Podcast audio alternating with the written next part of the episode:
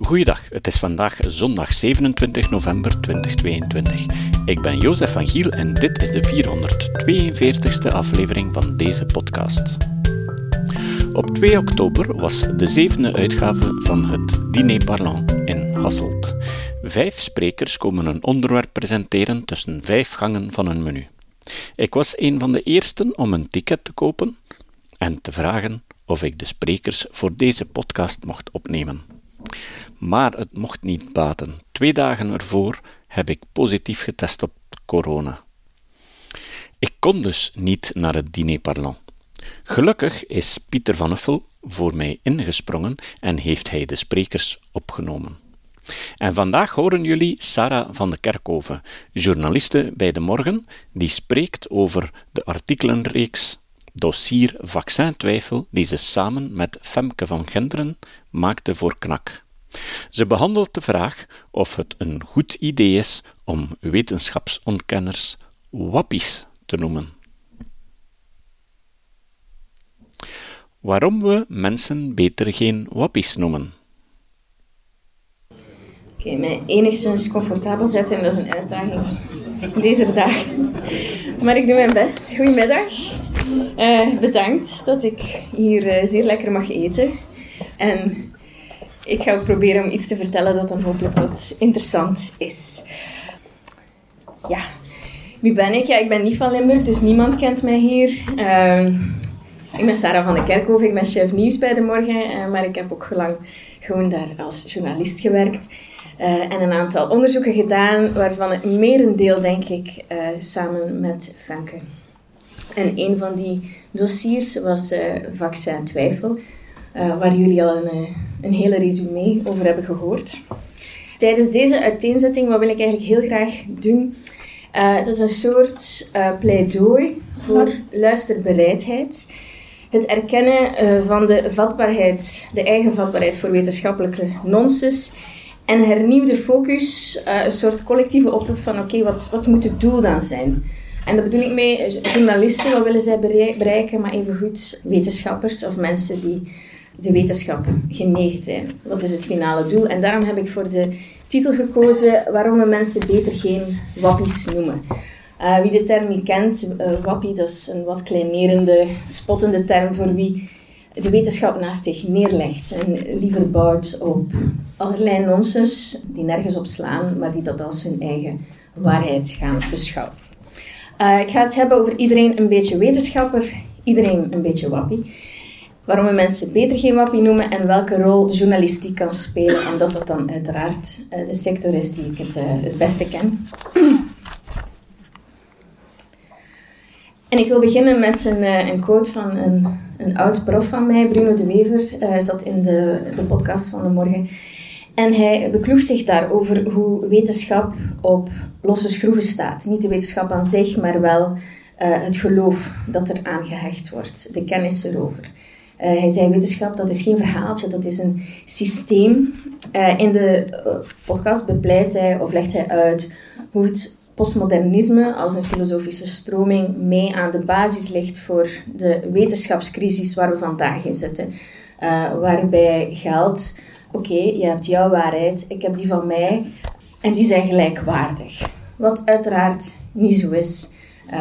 Wetenschappelijk onderzoek, dat is een, een heel systeem dat op poten staat. Uh, dat, dat vergt peer review, dat vergt heel veel werk, dat vergt tijd. Uh, als er daar consensussen zijn, dan zijn die redelijk vaststaan tot ze weer in vraag gesteld worden. Dat in vraag stellen en zeggen, kijk, ik heb hier ook ergens een ideetje uh, of ik heb iets gegoogeld, dat zijn geen evenwaardige opinies, maar daar neigt het deze, deze dagen af en toe wel naartoe. Is dat nieuw? Nee. De Wever geeft ook het, uh, het voorbeeld. In de jaren 30 had je een heel genazificeerde wetenschap, bijvoorbeeld in Duitsland, waar ook de zotste theorieën de ronde deden. Maar dat was wel in een dictatuur. Terwijl je nu ziet dat in liberale democratieën ook die wetenschap heel erg onder druk begint te staan. Bij het dossier vaccintwijfel zagen we eigenlijk dezelfde frustratie bij experts, toen al, dus voor corona. En toen zeiden ze, dat is hier uh, Mark van Ranst, een, een, quote van hem, kijk naar debatten in de media met aan de ene kant een expert die zich al twintig jaar verdiept in de vaccinologie. En aan de andere kant Roger, die sinds kort online wat dingen over de vaccins heeft opgezocht.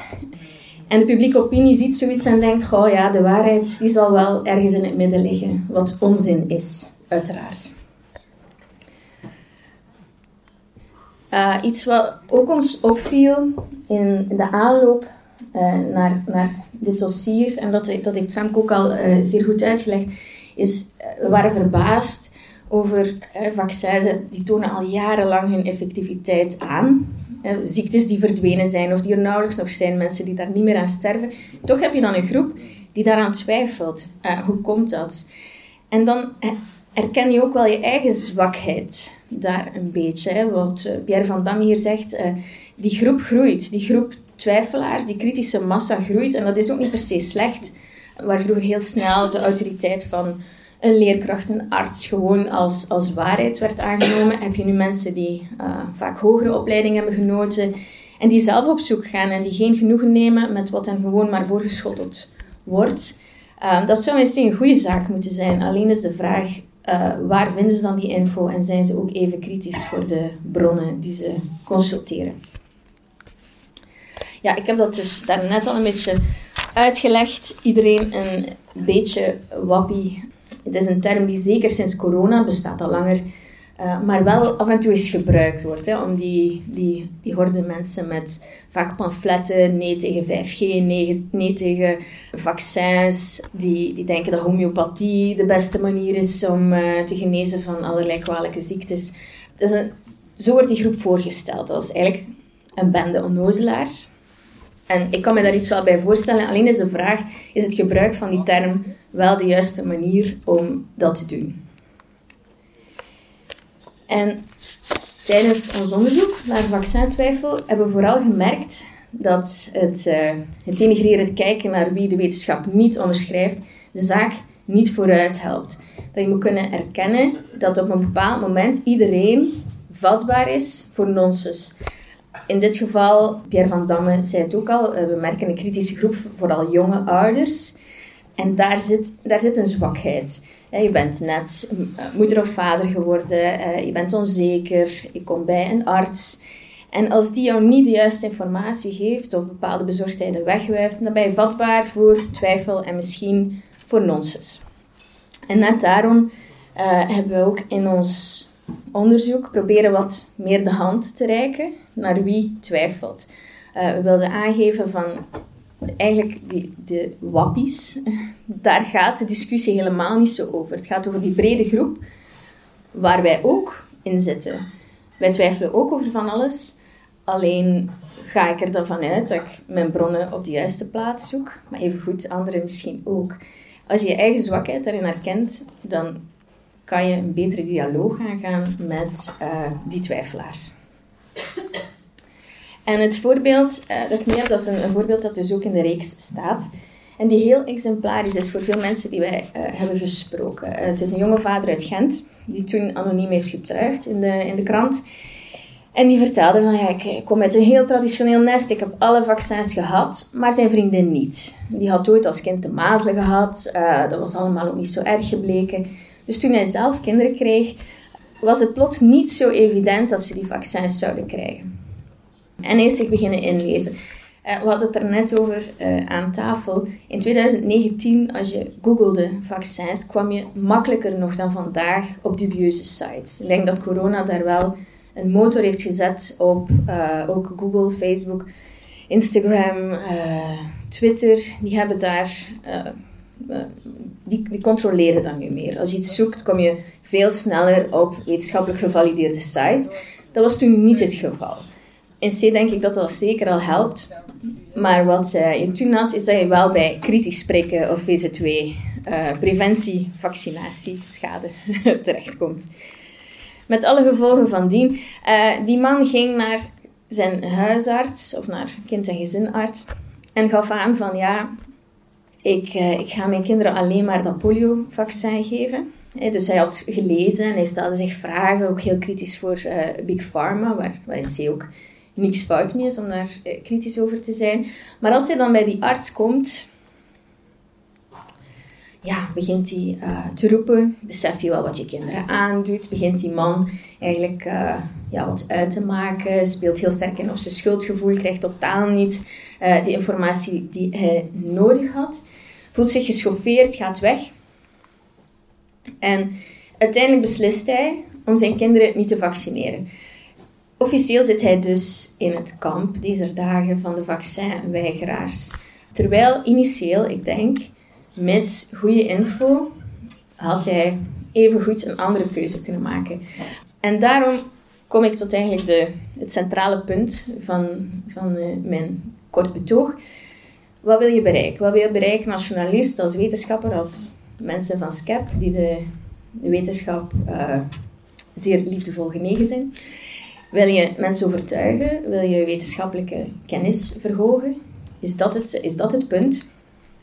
Dan denk ik dat het contraproductief is om de afstand te vergroten door een groep te gaan kleineren, maar wel proberen te begrijpen waar de twijfel of de overtuigingen van komen.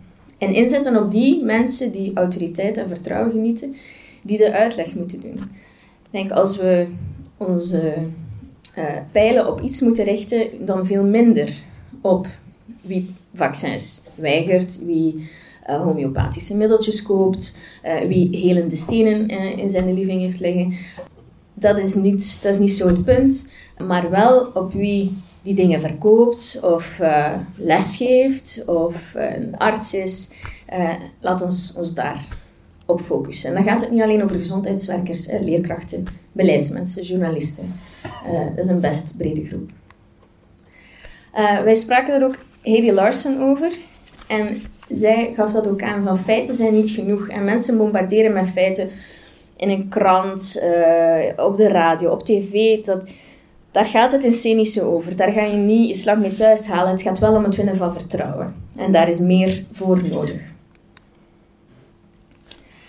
Uh, en Pierre van Damme, toen al in uh, 2019, die toekomstige generatie gezondheidswerkers, uh, daarop moeten we inzetten. We moeten er eigenlijk voor zorgen dat artsen, vroedvrouwen, um, kinesisten, tandartsen, eigenlijk iedereen die, die met een zekere kennis van zaken over wie mij gezondheid spreekt, dat die voldoende onderlegd zijn, niet alleen over vaccins, maar ook over veel meer dan dat. Dat zij weten hoe wetenschap werkt, um, dat zij weten waar ze hun bronnen kunnen opzoeken, hoe ze die kritisch kunnen benaderen en dan kunnen zij vanuit de vertrouwenspositie die ze hebben ook die kennis uh, tot bij het grote publiek krijgen. Ik heb hier ook nog een uh, opiniestuk van uh, Brecht de Koening, jullie wel bekend. Want dan is de vraag, is dat zoveel beter sinds 2019? Hebben we daar stappen gezet. Uh, ik denk dat er inderdaad met corona uh, er pakweg een betere controle op het internet is gekomen als het gaat over de informatie van vaccins bijvoorbeeld. Maar de kennis van onze gezondheidswerkers, is dat zoveel beter geworden sindsdien? Uh, als ik uh, Brecht de Koenen mag geloven in augustus, heeft hij toch nog heel wat bedenkelijk advies gekregen bij allerlei instanties waar hij met zijn pasgeboren baby naartoe moest. Ik kan zelf ook aangeven. Ik heb vorige week nog eens uh, de test gedaan. Ik vind dat dan altijd wel leuk bij de kinesist. Opper ik dan van, ja, dat vaccin, zo de booster voor COVID, vindt u dat de moeite? Terwijl officieel is dit extra aangeraden voor mij, omdat ik zwanger ben. En dan, ja, nee, ik vind toch uh, dat dat uh, niet meer zo de moeite is. Je hebt er toch al een aantal gehad. Je moet je immuunsysteem ook niet te veel testen. Om maar te zeggen, dat was vorige week. elke vroedvrouw die ik al heb gezien, heeft mij al het nummer van een osteopaat uh, doorgegeven. Dus wat dat betreft, maar dat is natuurlijk, dat zijn geen harde data, dat zijn twee jonge ouders die uh, anekdotisch bij enkele gezondheidswerkers zijn geweest. Maar daar kon het toch nog wat beter. Daar zijn stappen nog te zetten. En wat ook is, hoe controleer je autoriteitsfiguren uh, die onwetenschappelijke informatie verspreiden? Wat doe je daar dan mee? Want ook daar zit het, hè, het feit dat wij artsen homeopaten hebben en die ongebreideld de functie van arts kunnen uitoefenen, terwijl ze daarnaast ook een uh, niet-wetenschappelijke pet op hebben. Mag dat zomaar? Dat zijn op zich relevante vragen. Wat dat betreft heb ik een, het voorbeeldje is eigenlijk een beetje triest. Ja, Chris hij is hier al een paar keer gepasseerd. Maar ik zag dus in 2009 heeft hij van jullie al de sceptische put gekregen. Voor de VZ2. Uh, waarmee hij allerlei onwaarheden uh, op mensen uh, afvuurt. Dan was er het... Ja, in 2018 had hij een klacht aan zijn been nadat hij op VTM Nieuws een aantal foute uitspraken deed. Dan was er het dossiervaccin twijfel in 2019. Ehm, hij was niet de arts die voorstelde om uh, attesten uit te schrijven, maar hij was wel aanwezig uh, op die bijeenkomst en was daar wel een uiteenzetting aan het geven over ja, onwetenschappelijke gegevens, over een of andere Italiaanse studie waaruit zou blijken uh, dat, dat vaccins het bare kwaad zijn. En dan duurt het toch nog in 2022.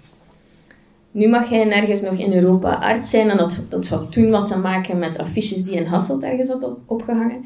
Uh, maar om maar te zeggen, 2009 tot 2022 is wel een hele periode waarin deze man, waarvan al heel lang duidelijk is uh, dat hij bepaalde deontologische regels niet helemaal respecteert, kan ondertussen tientallen, honderden, misschien wel duizenden mensen bereiken met zijn boodschap. En nu pas is ingegrepen. Dat lijkt mij een veel pertinentere vraag dan hoe moeten we die, die grote groep die grote groep twijfelaars uh, bewerken of moeten we ze overtuigen? Nee, zorg dan dat het, uh, het korps van mensen die moet instaan voor goede en degelijke informatie, dat daar in gekuist wordt. Uh, welke rol kan journalistiek spelen? Het is, is op zich niet zo heel eenvoudig. Ik heb hier als, als voorbeeldje een, een debat uit 2021 mee. Dus ja, volle coronacrisis. Vaccins zijn overal. En op dat moment, in de zevende dag, worden enkele vaccinweigeraars, uh, behoorlijk rabiate antivaxers, gevraagd om in debat te treden met uh, Pierre van Damme. En dat wordt een heel vreemde gewaarwording. Er wordt met allerlei tabellen gegooid en cijfers. En op het einde, als, als kijker, heb je wel een beetje het gevoel van... Ja, die, die antivaxers gaan misschien toch een punt hebben. Zo komt dat wel over. Het is heel erg moeilijk om in zo'n uh, in zo'n format ervoor te zorgen dat een prof of eender wie uh, zich toch voldoende staande kan houden, ondanks alle evidentie die er is. Maar in zo'n debat is daar een heel, heel lastig forum voor. Dat is ook wat uh, professor filosofie Johan Braakman daarover zei. He, zij, zij, leggen niet zich zomaar neer bij de wetenschappelijke methode, zij volgen andere spelregels. En op die manier heeft het weinig zin om hen tegenover een wetenschapper te zeggen. Uh, denk aan Mark van Ranst en Roger. Je stelt ze ergens al gelijkwaardig voor door ze gewoon naast elkaar te zetten. Dus hoe kan je dat dan op een andere manier doen, is de vraag. Wij hebben geprobeerd om op zich met open geest uh, de twijfelende ouder aan te spreken. Je zegt van kijk, we begrijpen jullie wel. We delen jullie bezorgdheid en we zijn ook kritisch. En we hebben ook vragen. Uh, wat wij niet begrijpen is waar je dan je informatie gaat zoeken. Waarom ben je niet even kritisch op je bronnen uh, als er die zijn uh, op de, de, werking van, van, van vaccins of eender wat? We hebben geprobeerd om hen vooral niet in het hoekje te duwen van de wappies.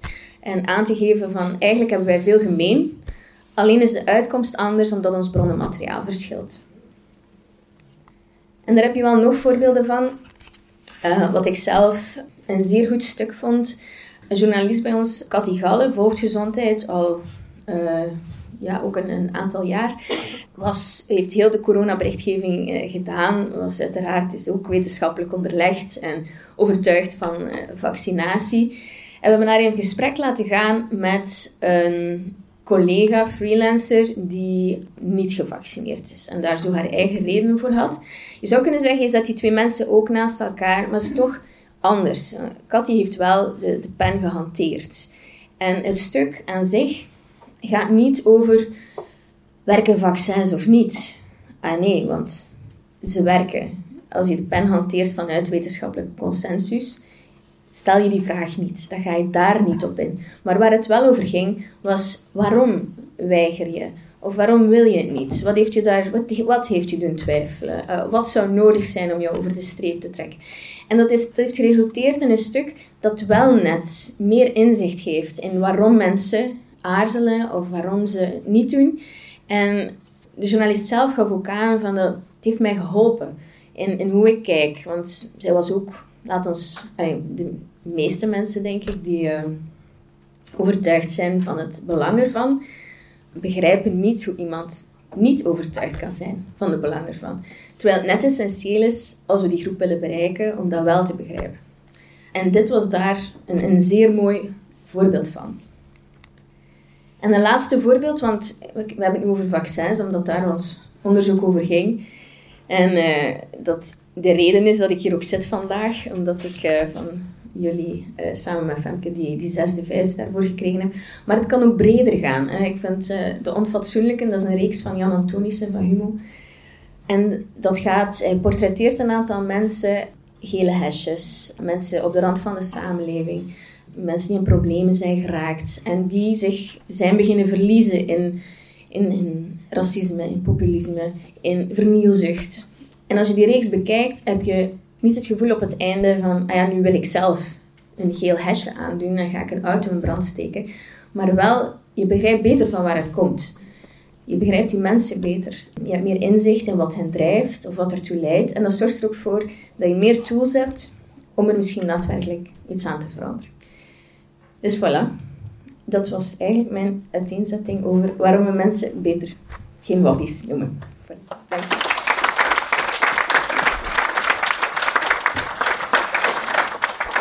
Er zijn vragen. Dus wappie, is dat een afkorting of een samentrekking?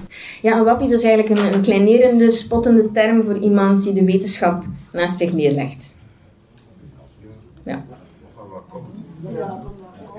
Etymologie van dat woord. Etymologische Ah, ik heb dat zien passeren tijdens mijn research, maar niet opgeschreven. Dus dat gaat je moeten googlen. I'm sorry. ja. uh, ik ben helemaal akkoord. Dat eerste vooral.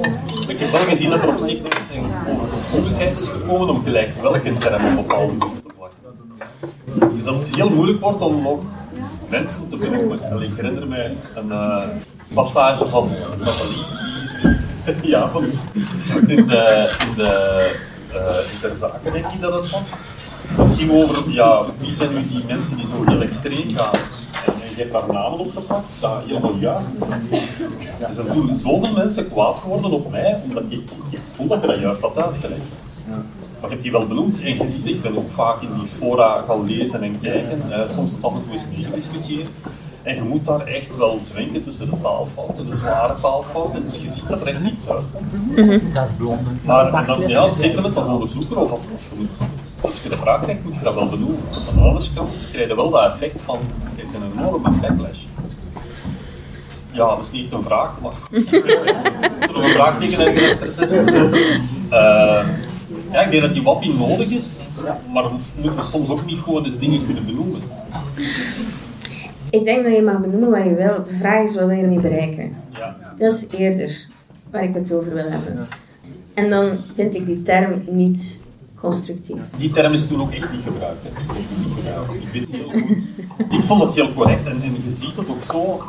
Als je die, ja, voor mij die, ook ging lezen, ik snap helemaal wel waarover het ging. Maar, Ja, Ja, ik, ik praat natuurlijk ook vanuit berichtgeving. ja, Eh, dus in, in onderzoek zit dat misschien nog anders als je bepaalde groepen moet benoemen. Eh, bij mij gaat het meer over als je mensen omschrijft dat het naar je groot publiek niet helpt om iemand al in een verdoemhokje ja, te stoppen. inderdaad. Wat komt dan? Hè? Je wordt uitgenodigd op ter zake. Uh, ja, goal en het ontploft. Ik weet niet wat te is. Antivaxen mensen zeggen dat ze laten. Ja, antivax is inderdaad ook eh, Ja, maar ja, omstreden. Wordt, ja. Die zijn echt wel antivax geweest, dat ook. Die zijn dat gewoon. En, maar ja, dat, eh, Maar soms is de lijn dun en dan vind ik Ja. die jonge vader, die is officieel bij de antivax, want hij vaccineert zijn kinderen niet. Terwijl als je eigenlijk het, eh, het parcours overloopt, was dat een onzekere ouder. ja, ja. Nog vragen? Ah, daar, oké. Misschien een, eh, een opmerking die een beetje aansluit bij eh, onze grote vriend. U vertelt, en, en ik ben mee in uw verhaal, hè. Eh, goed. Ehm, u vertelt, we moeten de fluwelen handschoenen gebruiken en trachten telkens malen te gaan helpen, instrueren. En ik vind dat inderdaad wel ook een mooi idee en dat is geloofwaardig. Echter, in uw verhaal gaat u dan ook iemand enorm pinpointen. En ik heb daar geen kennis mee, ik weet niet wie dat is. Dus ik vind dat niet zo. Klopt niet eigenlijk, uw verhaal. Hè? U vertelt eerst, we gaan, we gaan, we gaan de, het lijkt dat we met de fluwelen handschoenen uitleg moeten geven, dat we moeten helpen. Maar dan gaat u heel iemand die met zijn naam. Ik bedoel meneer Gouwbloemen. Potje- Ja. Snap je? Daar- ja, maar dat is net mijn betoog, is dat we, waar we milder moeten zijn. Voor de brede groep moeten we strenger zijn voor die groep En waar die ligt die grens? Die grens is- in, in de functie. Ja. Mensen die andere mensen moeten voorlichten, die informatie moeten geven, daar moeten we strenger op zijn. I'm in your camp, hè. Dus, maar zegt u dan een echte wappie, noemen we een wappie en de andere niet? Ik denk de term te court. Ja, maar je snapt wat ik bedoel, hè? Ja.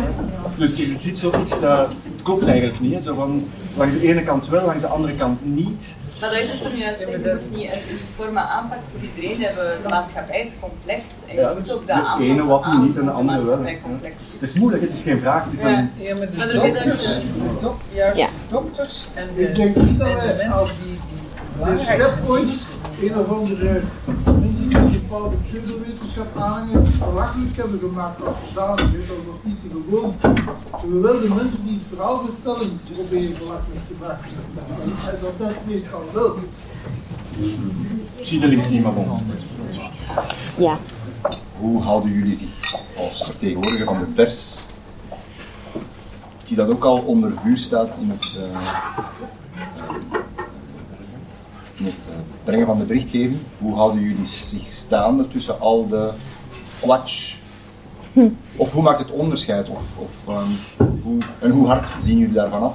Dat je moet vechten, je hebt een mooi artikel geschreven, maar ja, misschien leest maar één op 200.000 Vlamingen dat. Wellicht, ja. Dat is- de slimme, de slimme de morgenlezer leest dat, maar de rest niet. Ja, is, is de, de vraag meer op het bereik dat je ermee hebt? Ja. Hoe, en hoe voelen jullie dat aan? Je, hebt, je brengt hier een mooi verhaal voor 50 mensen. ehm die eraan mee zijn in de morgen. Maar ik denk dat jullie zich begeven in een soort wilde westen. Waarbij dat jouw ene artikel onmiddellijk wordt gecounterd door andere halve garen artikels. Hoe zien jullie daarvan af? Hoe gaan jullie daarmee om? Hoe als, als pers? Om jullie reputatie hoger eh, te brengen. Ja, ik denk de enige manier om dat te doen is om altijd zoveel mogelijk kwaliteit te garanderen. Eh, wat niet betekent, er, er gebeuren fouten, ook in, in onze krant. Eh, tijdsdruk moet snel gaan, dus af en toe glipt daar iets door dat, dat eigenlijk niet helemaal, niet helemaal goed is. En dan is het zaak om dat, daar open over te zijn, daarover te communiceren, eh, dat eh, recht te zetten. Ehm, ik denk vooral dat. Dus ja, ik, nu moet ik journalisten opdrachten geven. En, en ben ik zo'n soort kwaliteitscheck erna. Ook daar moet ik dan vaak eh, nog wel eens zo van, ah ja, maar deze kant moet je ook nog belichten. Of daar moet je ook nog eens eh, op bellen. Dus ik denk in het hele proces proberen wij gewoon die kwaliteit zo hoog mogelijk te houden. En dan hopen wij dat dat ervoor zal zorgen dat mensen het lezen, dat ze het kopen, dat ze een abonnement nemen.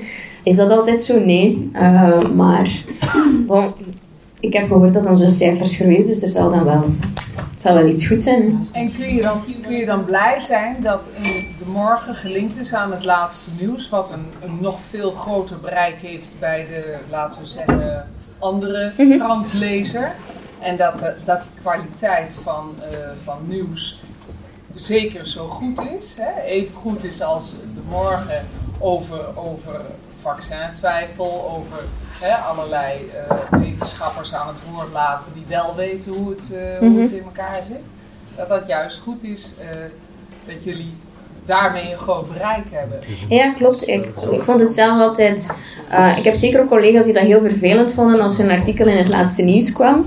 Ik vond dat zelf fijn, Ja? omdat ik een, een, een, Ja. plots een veel groter publiek Het had. laatste nieuws heeft, heeft voor ons allemaal een beetje roddelachtig eh, eh, imago, maar ondertussen is het gelinkt aan morgen en heb ik zoiets van, nee, ja, qua wetenschappelijke artikels zal het wel op een even hoog niveau staan. Het is, het is dubbel. Ik denk dat wij even goed ook al artikels hebben gemaakt die een lat niet halen. Eh, en ik zie hetzelfde bij het laatste nieuws. Ehm, en wij nemen dingen over van hen en zij van ons. Dus dat is een, een wisselwerking. Maar wetenschappelijk kan ik me voorstellen dat dat... Ja, ik denk wel, corona heeft wat dat betreft wel iets teweeg gebracht. Als het puur over dit onderwerp gaat, zijn er wel best wat journalisten nu behoorlijk goed onderlegd in eh, deze materie. Gelukkig. Gelukkig. Er is soep. Is super. Dankjewel.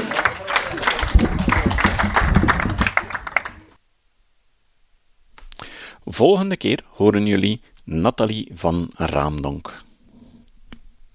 Het citaat. Het citaat van vandaag komt van Johan Braakman.